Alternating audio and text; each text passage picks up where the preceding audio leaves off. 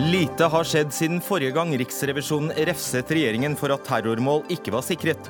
Og verre, det fins verken en plan eller penger til å gjøre det loven krever, skriver Riksrevisjonen i ny refsende rapport. Stortinget instruerer helseminister Bent Høie om hvordan han skal rydde opp i luftambulansekrisen. Eller Stortinget beviste i dag for alle at det har vært et spill der politikerne har latt som de kunne oppheve lovlige kontrakter. I dag går to treåringer i barnehagen i Pride-parade for å feire homobevegelsen. Ja, du hørte rett. Og Bilfri by er Oslo Arbeiderpartiets ektefødte barn, som MDG nå er i ferd med å gjøre til en tapersak, mener Oslo Arbeidersamfunn. Kom deg ut i gaten og se hvordan virkeligheten faktisk er, sukker MDG i Oslo.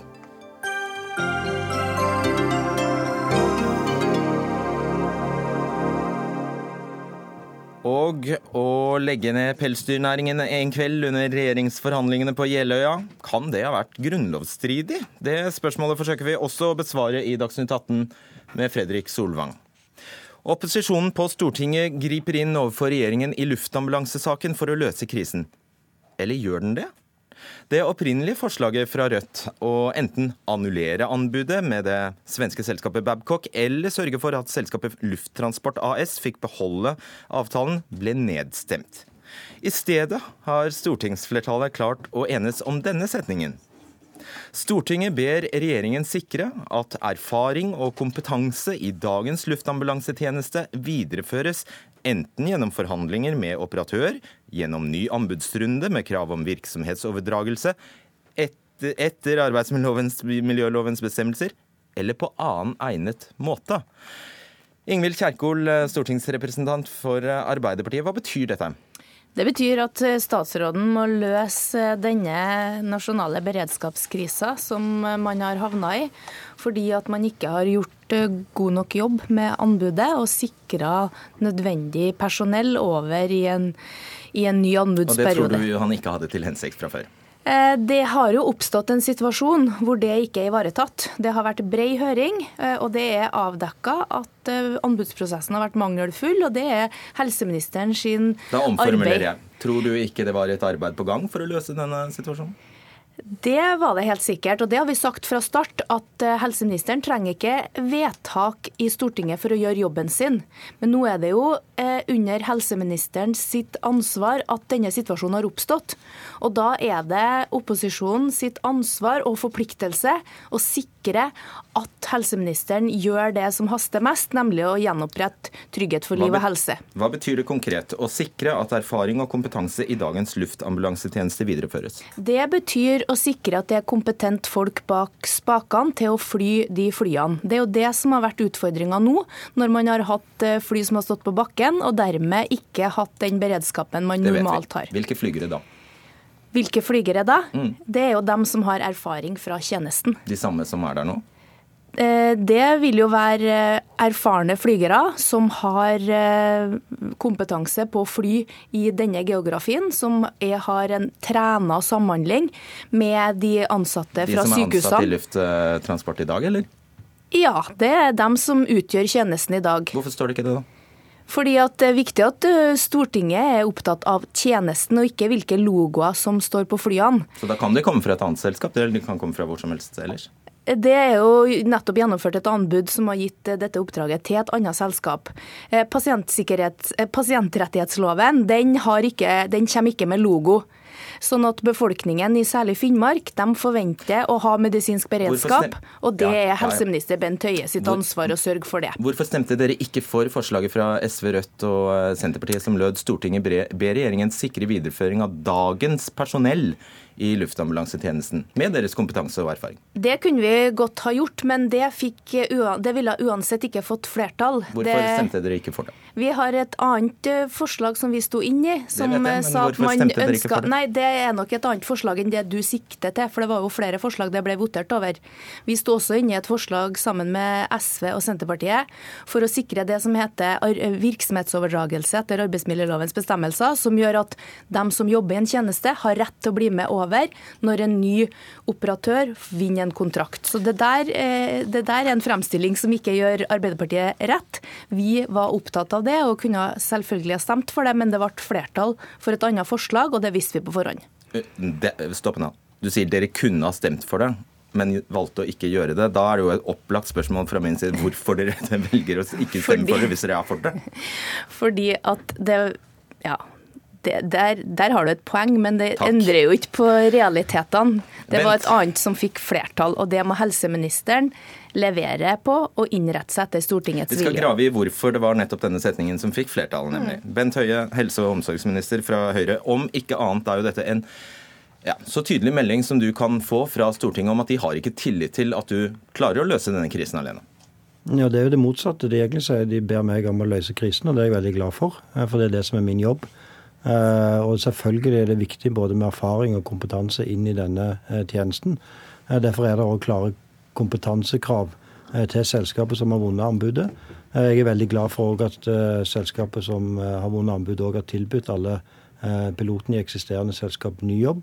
For det vil jo nettopp òg bidra til å kunne sikre Er det takket være deg? Eh, nei, det er rett og slett eh, Men jeg, jeg regner jo med at selskapet tenker klokt. De skal betjene befolkningen i Nord-Norge eh, med fly. De skal bidra til samfunnssikkerhet og beredskap på et veldig mm. høyt nivå. Og de folkene som jobber med dette i lufttransport i dag, de er jo noen av de aller, aller beste på dette, på dette området. Så det er jo helt, helt åpent. Hvordan har du tenkt å operasjonalisere denne setningen? Ja, Det skal jeg bl.a. gjøre gjennom at jeg skal ha et møte med Babcock førstkommende mandag i Tromsø. Eh, der jeg nettopp kommer til å ta med meg dette vedtaket og understreke òg eh, betydningen av, av det. Hva, hvordan tolker du at du nå har fått beskjed om å sikre at erfaring og kompetanse i dagens luftambulansetjeneste videreføres? Jeg eh, tolker det dit hen at det er viktig med at det nye selskapet òg sikrer at de både har erfaring og kompetanse blant de som skal jobbe i tjenesten. Det kan de gjøre på flere måter. og Det er jo det som jeg opplever som hovedforskjellen mellom det forslaget som fikk flertall, og det forslaget som ikke fikk flertall. og det er nettopp at eh, Den erfaringen kan de selvfølgelig òg hente fra andre steder enn dagens oh ja, eh, Så det må ikke etter din mening være de samme menneskene? Ikke, det er ikke sånn at dette er alle de samme menneskene. Det er sånn som jeg opplever det iallfall ble et uttrykk fra talerstolen. Uh, og, og, og da var jo ikke vedtaket særlig mye verdt hvis det var hensikten din Kjerkol, at det var de samme pilotene som skulle være med videre? Han tolker det helt annerledes? Det vil være behov for å ta vare på og sikre den kompetansen som er i dagens tjeneste. Det er helt åpenbart. Ja, Det skjønner alle. Ja, det skjønner alle, men det er likevel det som er utfordringen vår. Så at, det Må det et stortingsvedtak til for å, for å bestemme det, har... det? At det er noe som er så logisk at det er viktig å overføre litt kompetanse og erfaring? Det som må til, er at eh, helseministeren sikrer tjenesten. I dag så har man opplevd en flukt fra tjenesten som dagens operatør har ansvaret for. Det er 13% av de ansatte ansatte som har sagt opp jobbene sine, som slutter i løpet av kort tid. Og det er ytterligere et uh, tosifra antall som har tilbud om andre jobber. Så dette skjer. Det er derfor at det står fly på bakken, ikke for noe annet. Det, nei, ja, vi må slippe til Bjørnar Moxnes, også leder i Rødt. For et større mageplask enn dette skal man lete lenge etter. Du foreslo altså annullering av kontrakten etter videreføring av kontrakten med Lufttransport, eller videreføring av kontrakten med Lufttransport. Nå ender dette altså med noen helt vage, ganske ganske innholdsløse setninger om å sikre erfaring og kompetanse i dagens luftambulansetjeneste. Årsaken til det er vel nettopp at flertallet innså at ditt forslag både kunne være lovstridig og uhensiktsmessig. Nei, altså jeg skal ikke forsvare det at Arbeiderpartiet og KrF ikke støtter uh, vårt forslag, som jeg mener er helt nødvendig for å få løst uh, krisen. Hva syns du om at de ikke gjør det, da? Men altså, jeg syns eh, det er litt for vagt, og det viser nettopp det som Høie her sier. altså Det er rom for tolkning, mens det forslaget til kompromiss som Senterpartiet, SV og Rødt eh, la fram i dag, om å sikre videreføring av personellet, var helt presist og ville løst problemet fordi tjenesten er lite verdt med, med nye fly og nytt utstyr hvis ikke du har med mannskapet som kan betjene det, både piloter og teknikere, videre. Og Det er den kompetansen og erfaringa de har som er nødvendig for å sikre befolkninga befolkninga akuttberedskap i framtida. Så du er skuffet og, over at Arbeiderpartiet ikke gikk med på det, da? Ja, jeg skulle ønske at Arbeiderpartiet og KrF ble med på det. Fordi det vi nå ikke har noen garanti for, det er at eh, ikke flere, både piloter og flyteknikere, eh, finner seg nye jobber i frykt for at de vil eh, få dårligere lønnsvilkår hos den nye operatøren. Men da har dere jo ikke løst noen ting med dette vedtaket? Nei, altså så lenge, så lenge, flertallet ikke stemte for det som var Senterpartiet, SV og Rødts kompromissforslag, men holdt fast ved sitt noe vagere forslag, kanskje for KrFs del av hensyn til borgfreden med regjeringa, så er det ikke godt nok. Men samtidig fikk vi vedtatt Hvilken praktisk konsekvens får da dette vedtaket? Nei, du kan jo si hvordan skal man klare å videreføre kompetanse og erfaring uten at personellet som har den kompetanse og erfaringa, blir med videre? Altså Enten må du da ha eh, kloning av disse pilotene, eller hjernetransplantasjon, eller en slags magi. Altså, du får jo ikke videreført, etter mitt syn, kompetansen og erfaringa uten at personellet som har det innabords, blir med. Hvilken praktisk konsekvens får dette vedtaket? Nei, altså Jeg stoler ikke på, ikke på at Bent Høie kommer til å følge opp på den måten eh, som eh, Rødt ønsker. Og hvis flertallet mener at Høie ikke følger opp på en, på en god nok måte, effektivt, og sørger for at vi beholder pilotene og teknikerne i tjenesten, så vil det jo bli eh, en ny runde i Stortinget. Men det er altså synd at ikke vi i dag fikk slått fast eh, det som var kompromissforslaget, som jeg mener var eh, en presis og god løsning på krisa, som ville sikra videreføring av dagens personell, som er hele nøkkelen til å få løst den pågående krisa i tjenesten. Da var ikke spørsmålet mitt så på jordet, Kjerkol? Men det, det, var ikke mulig å få flertall i dag. Og det vet Bjørnar Moxnes, som har sittet og forhandla med meg, at det handla ikke om Arbeiderpartiet først og fremst. Det var dette som det ble flertall for, og det er veldig bra. Nå er det flertallet som har gitt en instruks til helseministeren. Han er nødt til å levere på det. Hvis ikke så er det flertallet i Stortinget som eh, avgjør hvordan eh, man reagerer i neste omgang. Og så har jeg bare lyst til å si det at det er utrolig viktig at denne krisa løses på kort og mellomlang sikt. Man går inn i noen sommermåneder ja. med høyst usikker personelltilgang i denne kritisk viktige tjenesten. Så det her er ganske alvorlige saker, så jeg syns vi skal holde, holde det alvorlig. Det Vet du nå, Bent Høie, at det er nok piloter helt fram til juli 2019?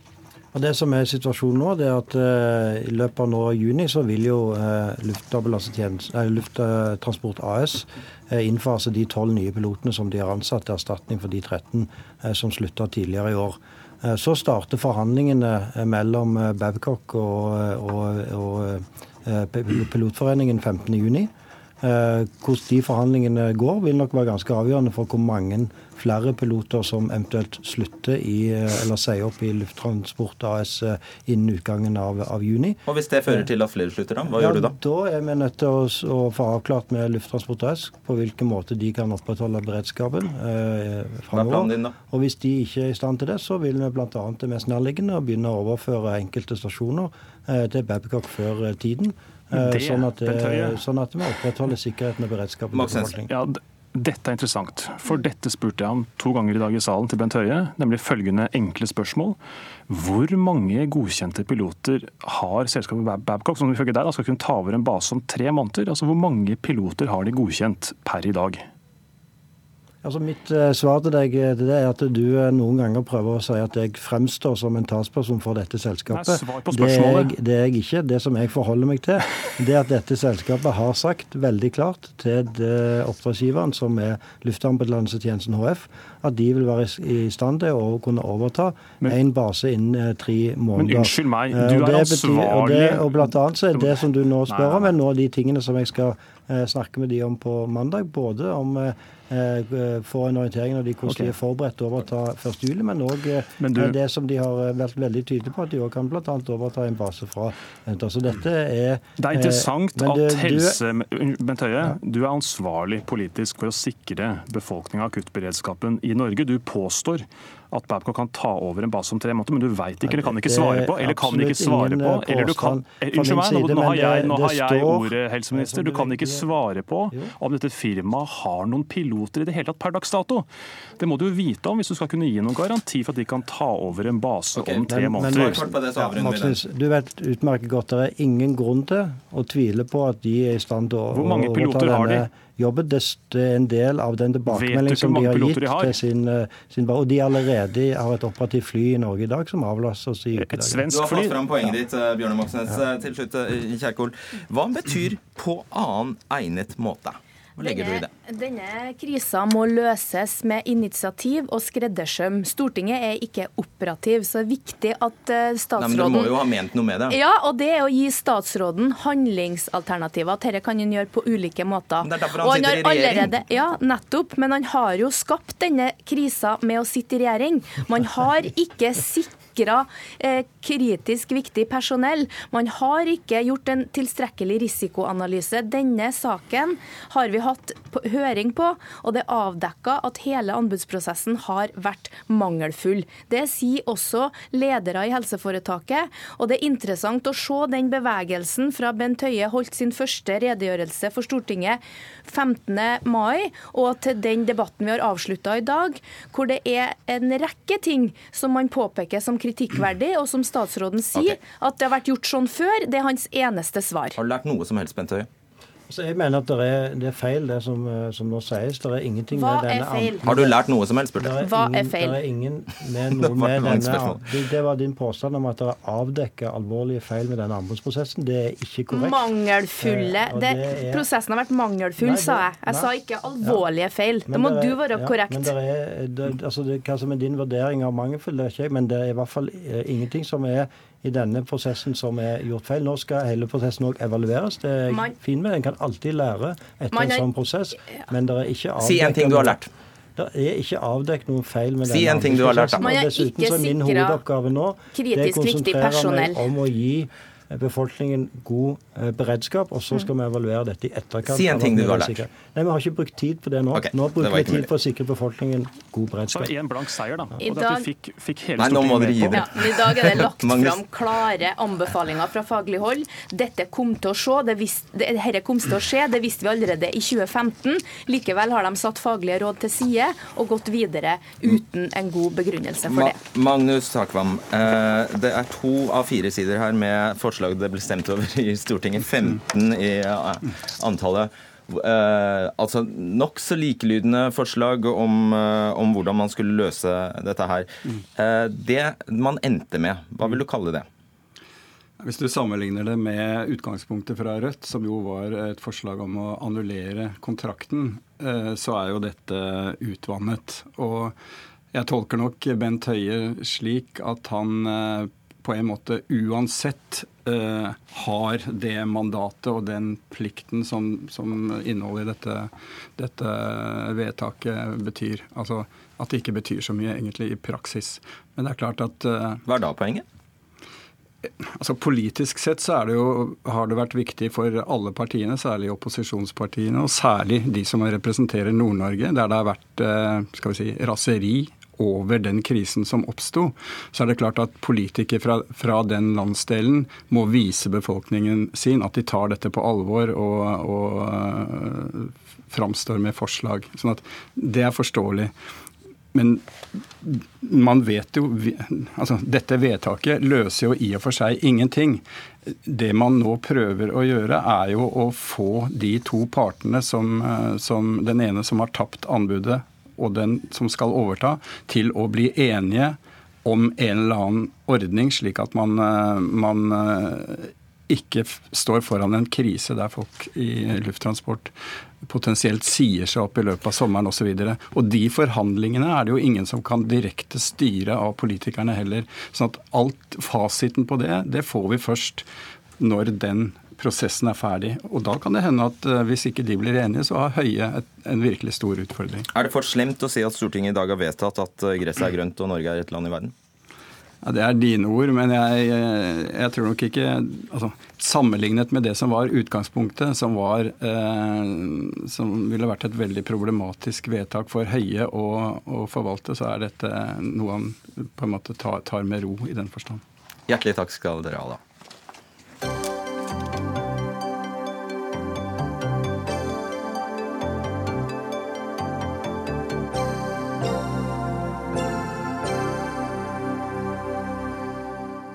Ja, Det gikk så fort, og det kom så overraskende i fjor høst, da Høyre, Frp og Venstre plutselig var blitt enige om å legge ned pelsdyrnæringen. Men Kan det virkelig være så enkelt? Nei, mener tidligere sivilombudsmann Arne Fliflet. En avtale om pelsdyrforbud inngått bak lukkede dører, som går mot Stortingets klare mål og vilje, ja, det bryter med det viktige prinsippet om åpenhet og en reell offentlig debatt, og som til alt overmål kan være i strid med Grunnloven. Arne Fliflet, du er altså høyesterettsadvokat og tidligere sivilombudsmann. Hvorfor det? Det er øh, flere grunner, men la meg først presisere at øh, jeg har sett på disse spørsmålene i eh, stortingsperspektiv. Altså hva er det Stortinget nå bør gjøre? Og Stortinget er jo Ja, for saken skal jo til Stortinget, selvfølgelig. Stortinget skal, skal behandle denne saken. Men jeg har funnet det litt problematisk at Stortinget treffer et klart og tydelig vedtak, et anmodningsvedtak, som de gjorde i 2017. Og så som gikk ut på? Som gikk ut på at uh, pelsdyrnæringen skulle fortsette på en basis av uh, Med visse begrensninger. De måtte skjerpe seg. De måtte skjerpe seg. Ja. Så fikk pelsdyrnæringen beskjed skjerp dere, men dere får fortsette. Ja. Og så? Og så ble det da i forbindelse med Jeløya-forhandlingene, med utvidelsen av regjeringen, så kom det til motsatt resultat. Nå skulle næringen avvikles over en eh, viss periode, men den skulle avvikles. Og Det kalles jo politikk? Det er politikk, ja. Og det skal ikke jeg uh, uttale meg om. Uh, men Så hva er problemet? jeg syns det er et problem når Stortinget treffer et vedtak om at pelsdyrnæringen skal fortsette. Og det var resultatet etter en lang prosess hvor to regjeringer hadde vært inne i bildet men formålet med prosessen var å skape forutsigbarhet for bl.a. næringen. Og så ender det da med at det treffes et vedtak om at næringen skal fortsette med visse begrensninger. Som selvfølgelig da, gir det motsatte av forutsigbarhet. Ja, det gjør jo det. Nettopp. Uh, Guri Melby, du er stortingsrepresentant for uh, Venstre. Du kan vel skjønne i det minste at det er uh, problematisk for en næring om, omtrent fra det ene året til det andre å få beskjed om at dere får fortsette? Nei, det, det gjør dere ikke. Vent litt. Jeg har full forståelse for at pelsdyrbønder uh, syns det var synd at vi fikk inn det punktet i Jeløya-erklæringa. men um, det er jo ikke sånn at med Jeløya så ble pelsdyrnæringa vedtatt lagt ned over natta. Eh, det som står i Jeløya, er jo at regjeringa skal komme tilbake til Stortinget med en lovproposisjon. Så det skal jo gjennom helt vanlige prosedyrer og behandles for full åpenhet. Alle får muligheten til å si akkurat hva de vil om den lovproposisjonen når den ja, kommer til Stortinget. Du... Og vi er jo nødt til å få et flertall på Stortinget for at det skal gå gjennom. Men nå har riktignok både Arbeiderpartiet og flere partier signalisert at de kommer til å støtte det når den kommer, så vi vet for så vidt at det er et flertall. Men det står altså i direkte motstrid til det forrige eh, stortingsvedtaket ja, om denne næringen? Som programlederen sa, det er jo politikkens vesen. Og det som kan skje ved et valg, sånn som vi hadde i høst, det er jo at flertall endrer seg. Stortingets sammensetning har endra seg. Eh, samarbeidsvilkårene på Stortinget har endra seg, og det gjør at det nå er et flertall for å avvikle pelsdyrnæringa. Det er Venstre veldig glad for. Eh, og det er jo ikke sånn at den prosessen her kommer som lyn fra klar himmel heller, mener jeg da for pelsdyrnæringa. For allerede i 2002, da Lars Bonheim var landbruksminister, så ga han næringa ti år på å forbedre seg. Det har ikke de greid. Nå har det gått 16 år siden 2002. Nei, må jo ta, ta, det I all redelighetens navn må du ta utgangspunkt i det siste stortingsvedtaket, og ikke gå 16 år tilbake. Det er jo det næringen forholder seg til. Det siste vedtaket fra Stortinget. Jo, men næringa, kom... må, må, jo også forholde seg til den virkeligheten vi har. Og næringa alle som har vært aktører i pelsdyrnæringa, har jo visst at dette har vært en omstridt næring. Eh, og det har blitt stadig flere parti og stadig flere politikere i flere parti som har tatt til orde for å legge den ned. Eh, og vi ser jo stor bevegelse både i Arbeiderpartiet og Høyre de siste årene som har gjort at et mindretall egentlig reelt sett har gått til et flertall. Så jeg er jo helt sikker på at vi hadde fått det her uansett eh, Jeløya eller ikke, og at det er, har vært god vei mot et flertall for å legge ned pelsdyrnæringa. Heldigvis. Sandra, Sandra Borch, stortingsrepresentant for Senterpartiet. Det er faktisk sant. Dette er egentlig bare en endeløs historie om advarsler og brutte, løfter gang på gang. Det er jeg jo uenig i, eh, fordi at eh, dette har vært en lang prosess. Næringa har jo sjøl også nå eh, fremma forslag om et program som gjør at næringa skal bli bedre. Og så skal det sies at det er veldig flertall av aktørene er seriøse aktører.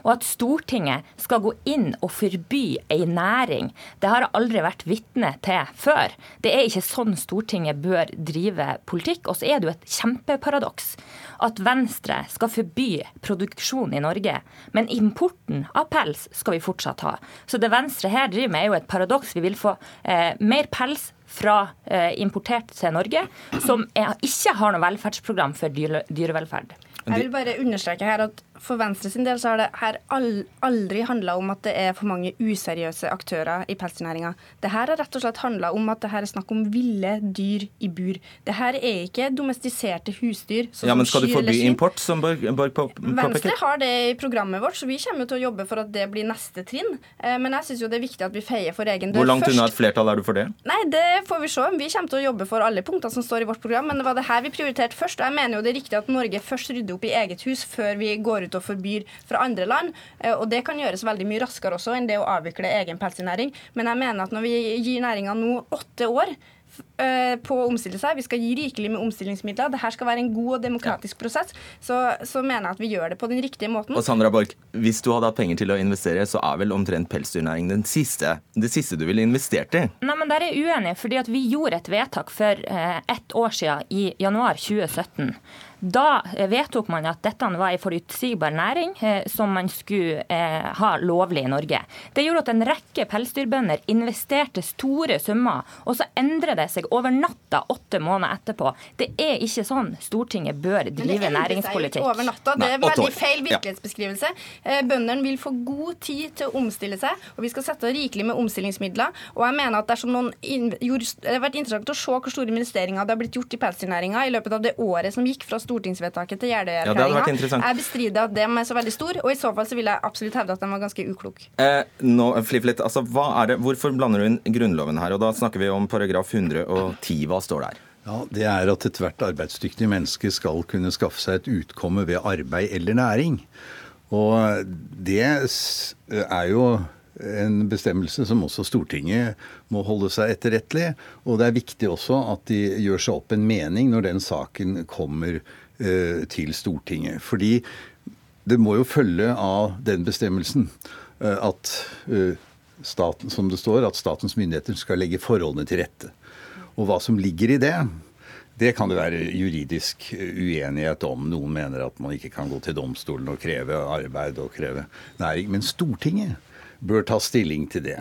For det skaper ikke en sånn bestemmelse, helt nyformulert, visse forventninger om at man i hvert fall ikke går til det skrittet å nedlegge en næring og avvikle den og si at nå får dere ikke lov, det er et problem, syns jeg. Hadde det vært motsatt, var, eller hadde det vært annerledes, stilt annerledes hvis det var en ny næring? Det kunne det være. og det er spørsmål om eh, man har gjort dette før. Ja, man har jo grepet inn f.eks. mot uh, Eh, folks eh, rett til å omsette alkohol for å lage alkohol selv. Det har vi jo masse historiske eksempler på. Vi har også historiske eksempler fra Selv om det fortsetter? ja. også at uh, ble forbudt på Finnmarkskysten for lang tid siden. Men det var fordi at det skadet fiskeriene. Det som er spesielt i denne saken, det er jo at Eh, den, eh, at det er hensyn til dyre, dyrevelferden, og ikke fordi at næringen er skadelig for eh, samfunnet for øvrig. Skader andre. Men, og da er det litt drastisk syns jeg, da. Har dere i det hele tatt vurdert Grunnloven opp mot denne, den nye loven? Du, Jeg skal ikke gå inn i en sånn juridisk diskusjon her. Eh, men det som Nei, Du kan svare på det enkle spørsmålet om dere har tenkt på Grunnloven mens dere uh, lagde forslag. Jeg satt heller ikke rundt bordet på Jeløya, så jeg skal ikke svare på det. Men det som jeg er nysgjerrig egentlig på å vite, er jo Jeg vil jo tro at uh, Fliflet hadde ment at dersom den saken hadde kommet som en ordinær sak til Stortinget, med en ordinær behandling og hadde blitt vedtatt om et år eller to, så ville du ment at det var på en måte lovlig. For altså ethvert Og i, i, et, et, ikke slik det foregikk nå, ja, altså i, som ja, et resultat av budsjettforhandlinger? Vedtak på Stortinget er tross alt bare gyldig til vi har fatta et nytt vedtak. Og det tenker jeg at alle aktører i samfunnet må faktisk forholde seg til. Og Men jeg tenker at grunn, Når det da blir nevnt i Jeløya, for det er jo ikke vedtatt noen ting, men det er en intensjon fra de tre partiene som sitter i regjering, at det her vil skje, så tenker jeg at det vil jo være en stor fordel for næringa at de vet det allerede nå. Det her er noe som kommer til å skje i løpet av perioden, i stedet for at vi hadde måte, ikke sagt noe om det og bare venta til det kom en stak i Stortinget. Så det gir jo mer forutsigbarhet at det faktisk står i Jeløya, enn at vi hadde venta okay, til vi hadde laga en sak. Vel, det kan det jo være delte meninger om. Det som i hvert fall er eh, situasjonen, det er jo at det er skapt en usikkerhet ved den avtalen som ble gjort på Jeløya. Men ikke tvert en sikkerhet. Altså, De tre partiene Nei. som sitter i regjering nå, har jo forplikta seg på at vi skal legge fram en ja. sak. Vi har utfordra resten av Stortinget. Sandra Borch det som er hele utfordringa her, er jo at næringa i eh, januar 2017 venta et klart vedtak. Det fikk de også. Det var et bredt flertall på Stortinget som ønska næringa skulle fortsette. Man også, eh, la inn et velferdsprogram som næringa skulle følge. Næringa slo seg til ro med det. Så kommer et eh, parti på litt over 4% inn i regjering og velter flertallet. For det reelle flertallet på Stortinget er jo for ei pelsdyrnæring. Ja. Det er jo Venstre som Hvor tar du det fra? Ja, hvor tar du det fra, Sandra Borch? Ellers, kan... Hvilke partier er det som er for ei pelsdyrnæring i dag? Eh, både Frp og Høyre har vedtak, eh, vedtatt i sine partiprogram at de er De var jo ikke mer for det enn at de gikk med på denne avtalen? Da. Ja, og det syns jeg er synd. Og jeg synes det er synd ja, Men da er det jo et reelt flertall mot? Jo, jo. Nei, men det er mange som sitter i den salen og vil eh, ha ubehag med å stemme eh, for en, en nedleggelse. Og så må jeg si, nå har jeg ordet. Nå har jeg ordet. Du er veldig god til å avbryte, det skal du ha. Men poenget er jo at dette er jo et paradoks. Hvis dere virkelig ønsker å ta tak i dyrevelferden, så burde dere jo starta med et forbud mot import. Fordi at Norge er verdensledende på dyrevelferd innenfor dette området. Ja, vi går ikke inn på den uh, importdiskusjonen. Uh, men du skal få med deg et siste spørsmål på veien. hvorfor ikke starte med kyr eller kyllinger eller griser? Du, er du sikker på at de har det så mye bedre? Venstre jobber med å bedre dyrevelferd eh, innenfor alle deler av landbruket. Det som jeg mener er en grunnleggende forskjell på pelsdyrnæringa og annet husdyrhold, er at for det første er det her ville dyr, andre husdyr er domestisert. Og for det andre så er det her et luksusprodukt som vi slett ikke trenger. Matproduksjon trenger vi i Norge. Derfor så ønsker Venstre å bedre forholdene for kyr og svin, men vi ønsker å avvikle pelsdyrnæringa. Takk skal dere ha, Arne Fliflet, Sandra Borch og Guri Melby.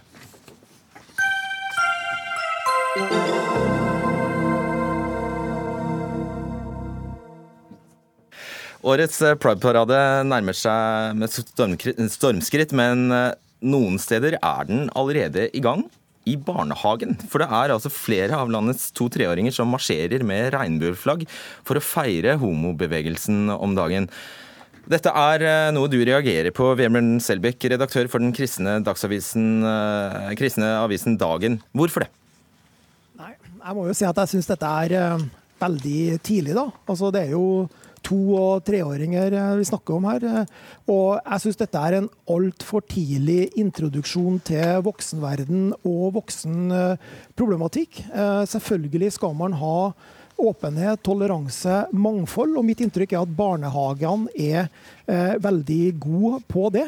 Eh, jeg syns ikke pridemarsj er det, den rette måten å, å, gjøre det på. For meg blir det en slags sånn politisk markering som ikke hører hjemme i eh, barnehagen. Hva er pride for deg, da? Jo, man arrangerer jo heller ikke 1. mai.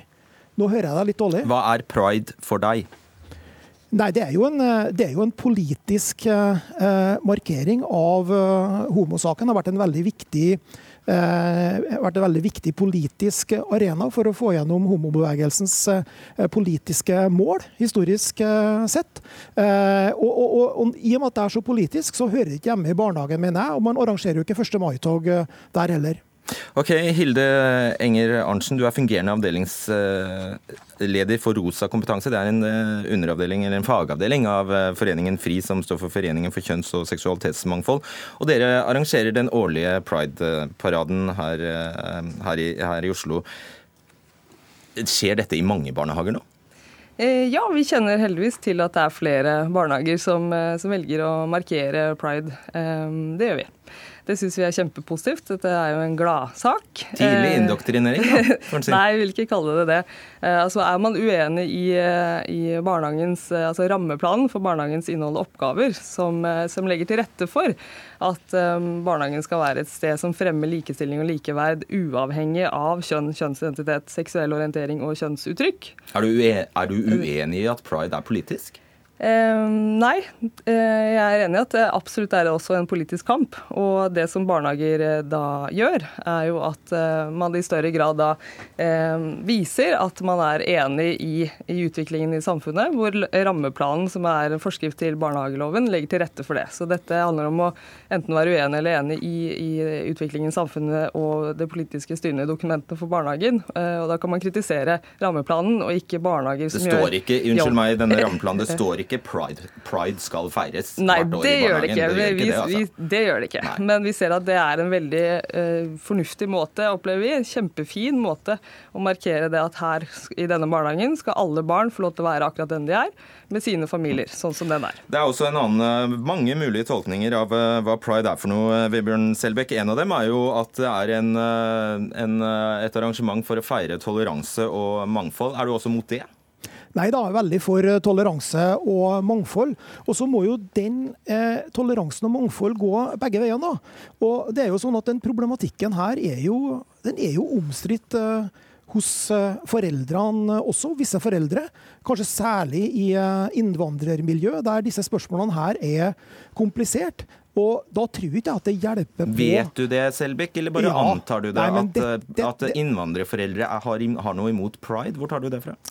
Eh, eh, hvis man har fulgt med litt i den offentlige debatten i Norge, så har man jo sett at spørsmål om homoseksualitet eh, er eh, spesielt omstridt i innvandrermiljøet. Det er ganske klart. Eller i kristenkonservative miljøer. Ja, det kan, det kan, du også si.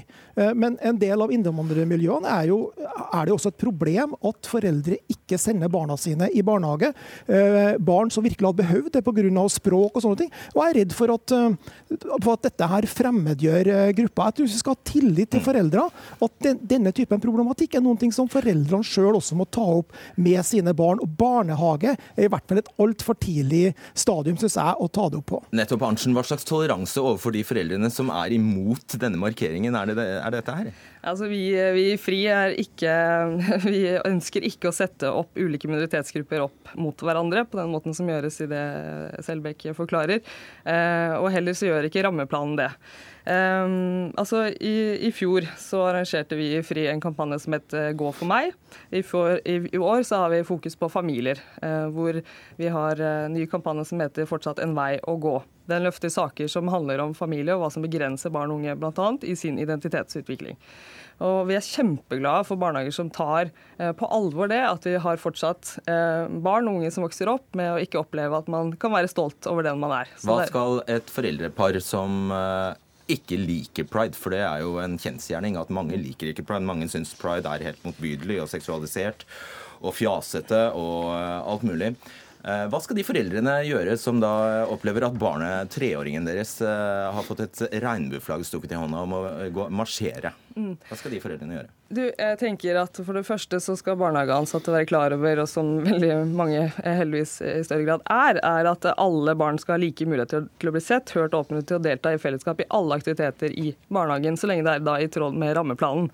Eh, så det er et eh, veldig godt styrende dokument for hva barnehagen skal være i 2018. Vebjørn Selbekk, det viser seg, og forskning viser at barna, de fleste barn finner sin kjønnsidentitet, også legning, når de er fem år gamle, faktisk. Altså, da er det jo riktig å starte tidlig. Ja, men ikke på, ikke på, denne måten. Absolutt ikke. Og det som underkommuniseres her, det er jo hvor omstridt dette pride-arrangementet er. Og faktisk også blant homofile sjøl. På FRI sine egne hjemmesider så kan vi jo lese om det at det er også mange homofile som syns at pridemarsj er for utagerende, for seksualiserende. Dette er ikke for, eh, for, alle, selv ikke for alle homofile. og Da er det i hvert fall ingenting å dra inn eh, for barnehagebarn som er to-tre år gamle, og som ikke har eh, noen mulighet til å sette dette her inn i den konteksten som det skal settes inn i. Okay. La, la småbarn være småbarn. Voksenproblematikken kommer tidsnok. Du skal få eh, ti sekunder. Ja, altså Pride er fortsatt viktig, og det er rom for ulike holdninger også i vår bevegelse. Det viser seg ulike politiske parti. Det handler ikke nødvendigvis om enkeltsaker, det handler om hva slags samfunn vi ønsker oss for barnas beste. Vibjørn Selbekk og Hilde Enger Arntzen.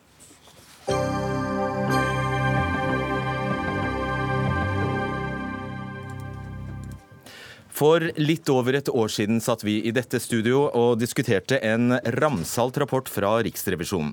Den slo fast at det er svært alvorlige mangler i politiets og Forsvarets evne til å sikre bygninger og infrastruktur i en trusselsituasjon. Bakteppet var selvfølgelig terrorhandlingene 22.07.2011. I fjor svarte regjeringen at den trodde arbeidet med objektsikring var i rute, fordi Politidirektoratet rapporterte det til dem. Og daværende forsvarsminister Ine Eriksen Søreide og justis- og beredskapsminister Per-Willy Amundsen sa dette etter høringen i Stortinget. Uh, og så har jeg vært veldig klar på i dag at vi tar Riksrevisjonens kritikk svært alvorlig. Og vi har både brukt den og kommer til å bruke den som grunnlag for forbedringsarbeid. Riksrevisjonens funn og konklusjoner er alvorlig. Eh, og Det er også eh, viktig for oss at vi tar læringspunkter av det og eh, forbedrer den situasjonen. Det har vi også gjort. Og jeg har vært opptatt av å, at vi skal ha god tilstand på disse tingene. Både etter forskriften og også etter instruksen.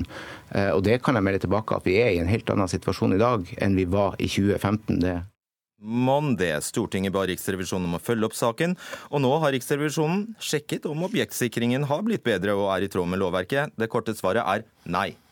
Justis-, beredskap- og innvandringsminister Tor Mikkel Wara fra Fremskrittspartiet departementet hadde per 31.12.2017 fortsatt ikke sørget for at grunnsikringen av de skjermingsverdige objektene er i henhold til sikkerhetsloven og forskrift om objektsikkerhet, skriver Riksrevisjonen. Hvilke objekter er det snakk om?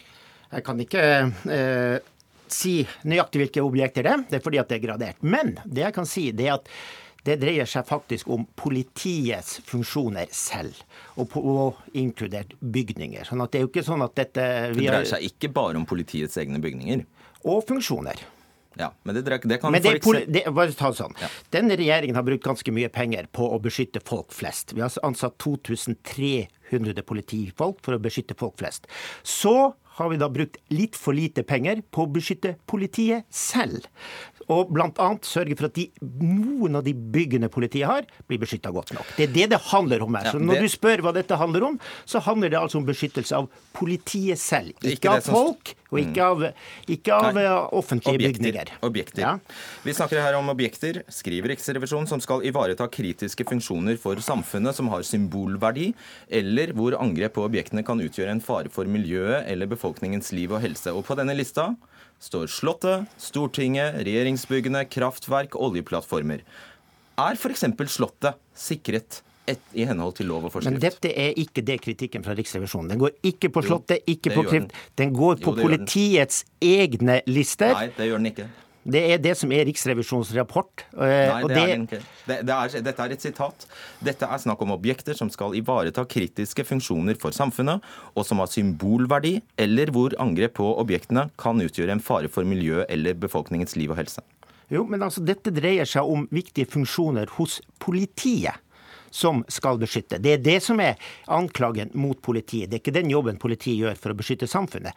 Det er den jobben politiet har gjort for å beskytte seg selv. Og det er jo viktig at politiet fungerer bra også i en krisesituasjon. Vi mener jo at vi er på god vei når det gjelder å beskytte politiet.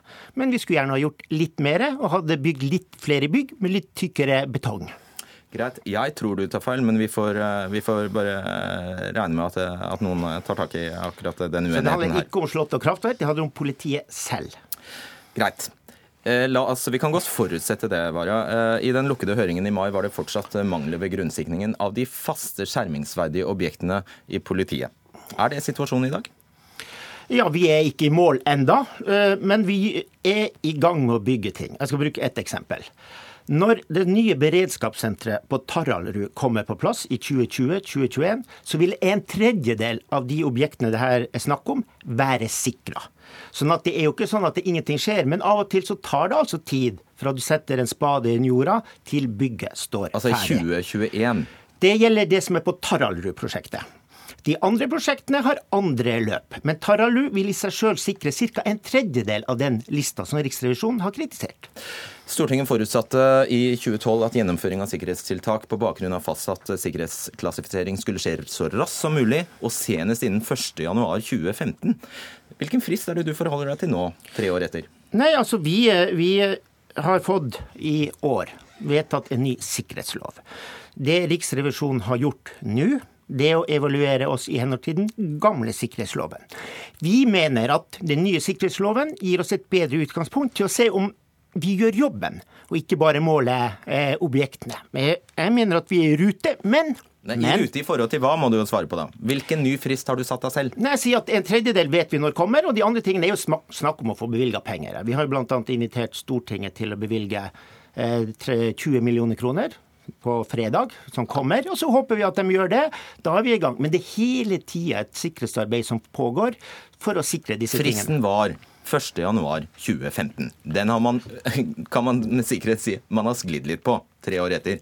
Så nå spør jeg deg, hvilken ny frist har du satt deg? Nei, men hør her. Jeg, jeg aksepterer ikke det premisset der, uansett. Fordi at det er ja, Men det er sånn- Stortinget som har vedtatt fristene? Jo, men hør her, igjen. Så, jo, men spørsmålet er om vi har nådd dem eller ikke, er også et spørsmål hvor vi er delvis enige med Riksrevisjonen, men ikke helt. Vi mener at på en rekke av disse tingene så har vi faktisk sikra oss sånn som vi skal.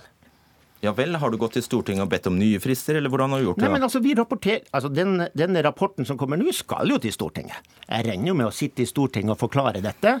Både i en åpen og kanskje en lukka høring også, for å, fordi det handler om gradert stoff. Men vi er på noen punkter uh, uenig med Riksrevisjonen. Ja, Det har jeg også kunnet lese meg til. Hva er grunnen til at Justis- og beredskapsdepartementet sitat, i liten grad har sørget for en overordnet plan for etablering av permanent grunnsikring for de skjermingsverdige objektene i politiet? Vi mener at vi har en plan, men vi mener også at vi ikke ligger så bra an som vi skulle være når vi gjennomfører planen. Da har, kan du ikke ha vist denne planen til Riksrevisjonen, for de jo, finner jo ikke noen jo, sånn plan. Det, man har en uenighet om hva som er i henhold til god nok sikkerhet. Du skal bruke et bilde her, med et bilde bare for å gjøre det. Eh, hvis du har en PC og den blir slått ut, eller ødelagt, den ramler i gulvet, så er det jo ikke sånn at hele internett forsvinner. Det er altså mulig å koble seg opp på Facebook på en annen PC.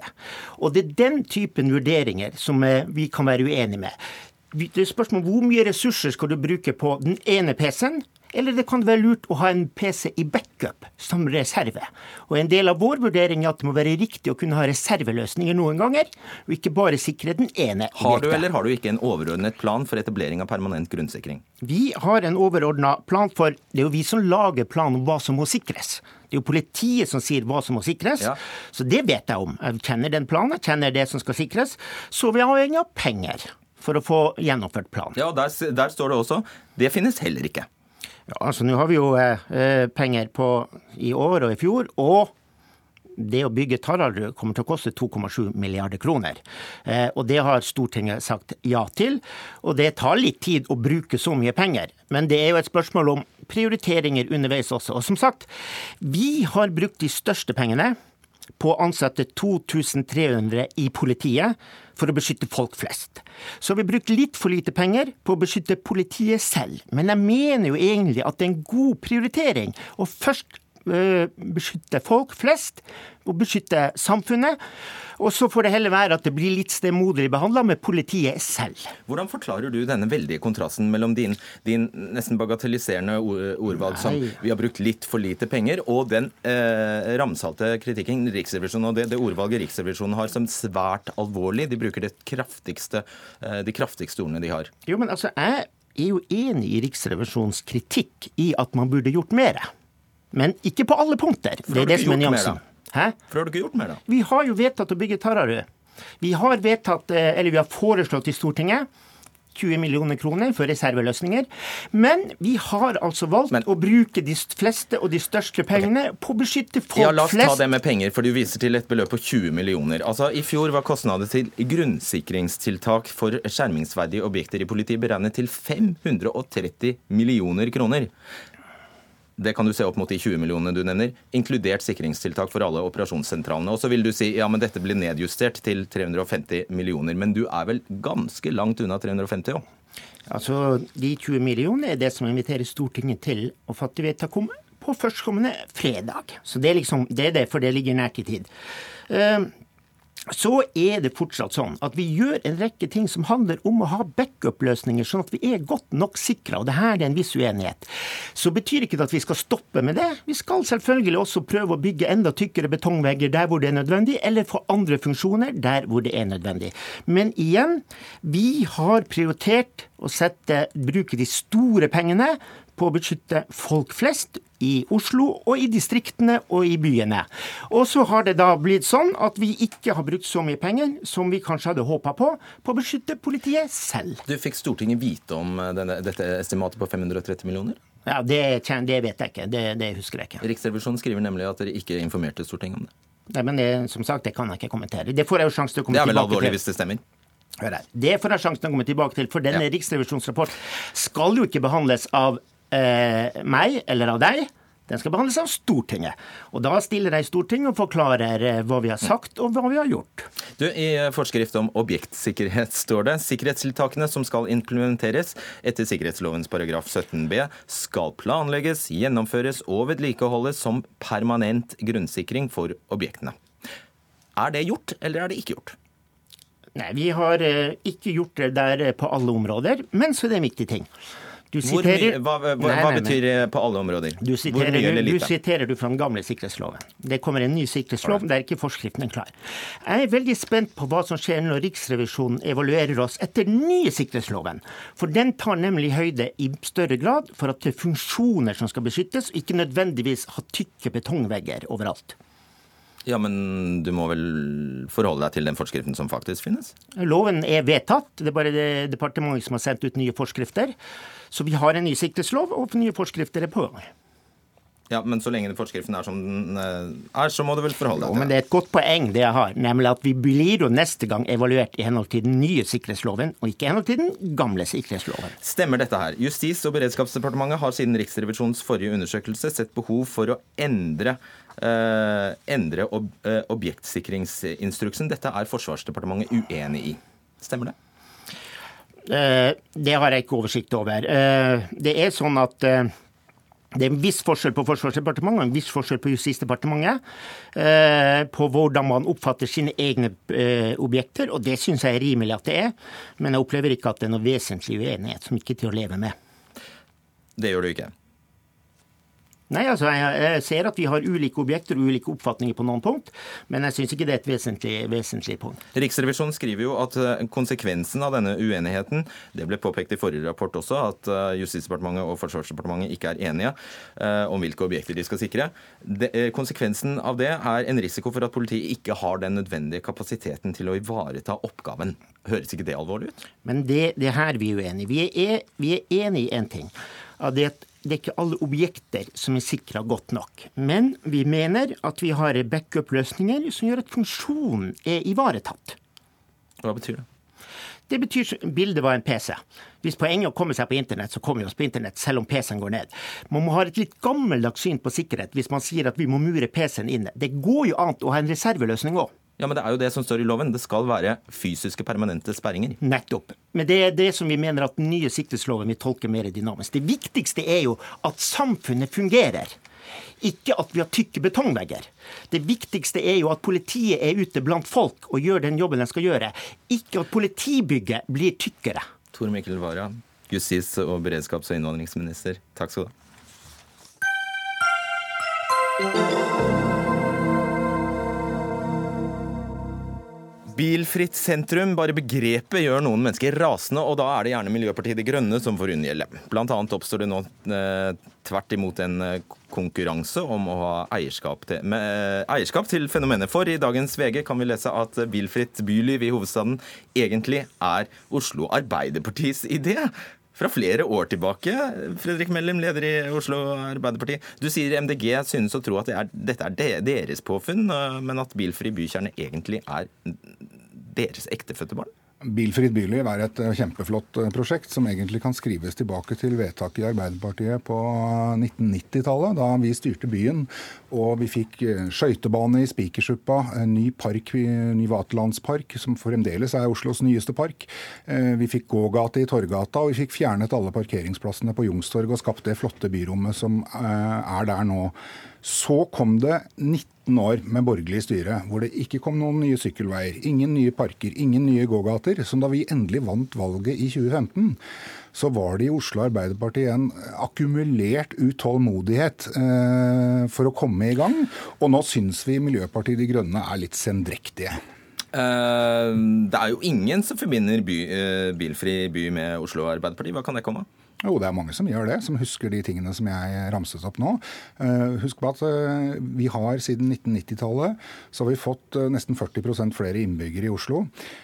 Bare veksten i bilparken i Oslo siden 2003 er på altså det arealet den veksten legger beslag på, 1,7 millioner kvadratmeter. Det sier kanskje ikke så mye, men det er faktisk nesten to ganger hele Kristiansand sentrum. Og det er den arealet som trafikken og alle de parkerte bilene i Oslo tar, som er eh, saken. Vi må skape rom for menneskene, ikke bare for bilene i Oslo. Vi må skape rom for konflikten også, for vi har dårlig tid. Torkild Vedrehus, byrådssekretær og leder i programkomiteen for Oslo NDG. Vi er her egentlig for å diskutere eh, at eh, dere for så vidt er enige om bilfritt sentrum, uenige om opphavet. Eh, men at uh, Oslo uh, Arbeidersamfunn da mener at dere klarer å gjøre denne, dette til en tapersak? Ja, nei, Det tror ikke vi, eller det skjer jo ikke. Folk er jo veldig glad for de endringene som skjer i byen vår akkurat nå. Nettopp som Fredrik sier, med å ta fra bilene plassen og gi plassen til menneskene. På Fridtjof Nansens plass nå så går folk og spiser is i sola. Turistene får seg sitteplass og litt vann fordi parkeringsplassen er fjerna for noen titalls biler. Og Den utviklingen vi ser nå i byen, er den som eh, folk ønsker seg, og vi får gode tilbakemeldinger på det. Og så er det klart at det er alltid tilbakemeldinger i en gjennomføring av sånne tiltak som endrer byen, som vi også får. Men jeg tror ikke liksom vi skal gjøre det til noe som MDG gjør eller Arbeiderpartiet gjør. Dette er noe et flertall i byen ønsker seg, og byrådet gjennomfører. Ok, du, du, sikter til at man nå er i ferd med å fjerne parkeringsplasser i utkanten av byen, f.eks. på Grorud og Røa? Ja, altså, Det er jo ikke sånn at uh, man fjerner parkeringsplasser der for å skape et bilfritt sentrum. Men eh, Miljøpartiet De Grønne har gått rundt og, snakket om å fjerne parkeringsplasser med en sånn begeistring at folk uh, tror det er det det handler om. Sånn at når det er en parkeringsplass som blir fjerna et eller annet sted pga. et byggeprosjekt eller et eller annet sånt nå, så tror folk at her har de, nå har de vært her fra Miljøpartiet De Grønne og, uh, med pekefingeren igjen. ikke sant? Og det er litt fokus på, det handler om å ha fokus på de riktige tingene og gjøre tingene riktig. Når folk sykler til jobb en dag og ser at uh, her har Kolbjørn kommune vært i løpet av natta og tegna hvite prikker i asfalten og sånt nå, så har vi feil fokus.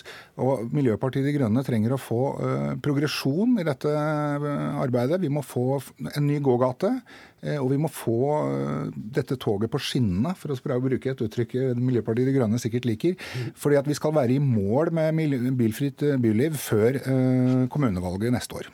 Vedrus. Ja, vi er i rute, men jeg, også, jeg syns ikke denne kritikken treffer så godt. fordi når jeg er rundt omkring i byen, og programkomiteen i Oslo MDG er, eh, reiser nå rundt omkring i byen og hører på folk, så hører vi på Røa, på Grorud og på Holmlia at det de vil ha, er levende sentrum hos seg også. Hører ikke du også irritasjon over disse prikkene? Klart, jeg får telefoner og jeg leser på Facebook, jeg også. Men jeg får også tilbakemeldinger på Røa om at de vil bli kvitt den gjennomgangstrafikken som de ser i sitt sentrum fra Bærum. Jeg hører på Holmlia at der er det en motorvei som skaper problemer. Og jeg hører på Grorud at tungtrafikken til Huken eh, pukkverk skaper utrygge skoleveier. Og Det må vi gjøre noe med. så Vi kan ikke snakke som om det er sånn at vi ikke skal gjøre noe med trafikken i resten av byen bare fordi vi har prosjekter i sentrum. Men dette prosjektet handler ikke om å gjøre livene til bileierne vanskelig. Og det er det folk eh, får inntrykk av når de hører på Miljøpartiet De Grønne. Dette eh, er et prosjekt som handler om å skape hyggelige byrom for menneskene i mm. Oslo sentrum, eh, primært. For turister, både innenlandske og utenlandske. Og sånn sett så er dette også et veldig næringsvennlig prosjekt, ja, som kommer til å skaffe flere arbeidsplasser ja, ja, i Oslo sentrum. Men hva skal MDG gjøre annerledes, da? Fokusere på det som er viktig. Skape flere åpne byrom hvor det er bilfritt, og hvor det fungerer bra. Eh, og holde opp å male prikker på asfalten? Slutte å male prikker på asfalten og late som at dette prosjektet Altså Folk får inntrykk av at dette handler om at det skal dyrkes gressløk i veikanten, og at det skal være insekthotell på midtrabatten og sånt. Det er, det er ikke det det handler om. Nei, det var helt rett. Det handler om å gjøre byen levende for mennesker, og det er jeg helt enig i. Men så må vi ikke drive og liksom snakke ned de tiltakene som er bra for byen, som å gjøre det levende også for insektene, og male prikker i asfalten. For det å male prikker i asfalten, det er nettopp å invitere fotgjengerne ut der det var biler før. Å teste ut nye byrom krever litt eh, eksperimentering som de malingsprikkene gjør. Også lett kan, å harselere med, da. Det, kan, det må det være. Lett å harselere ja. med. Jeg syns Fredrik Mellem kanskje skal holde seg for god for det. Vi må sette strek der. Takk, Fredrik Mellem og Torkil Vederhus. Dere fikk avslutte Dagsnytt 18 i dag, som i dag var ved Simon eh, Skjelbostad Yseth. Finn Lie var teknisk ansvarlig, og Fredrik Solvang var i studio. Ha en riktig fin kveld.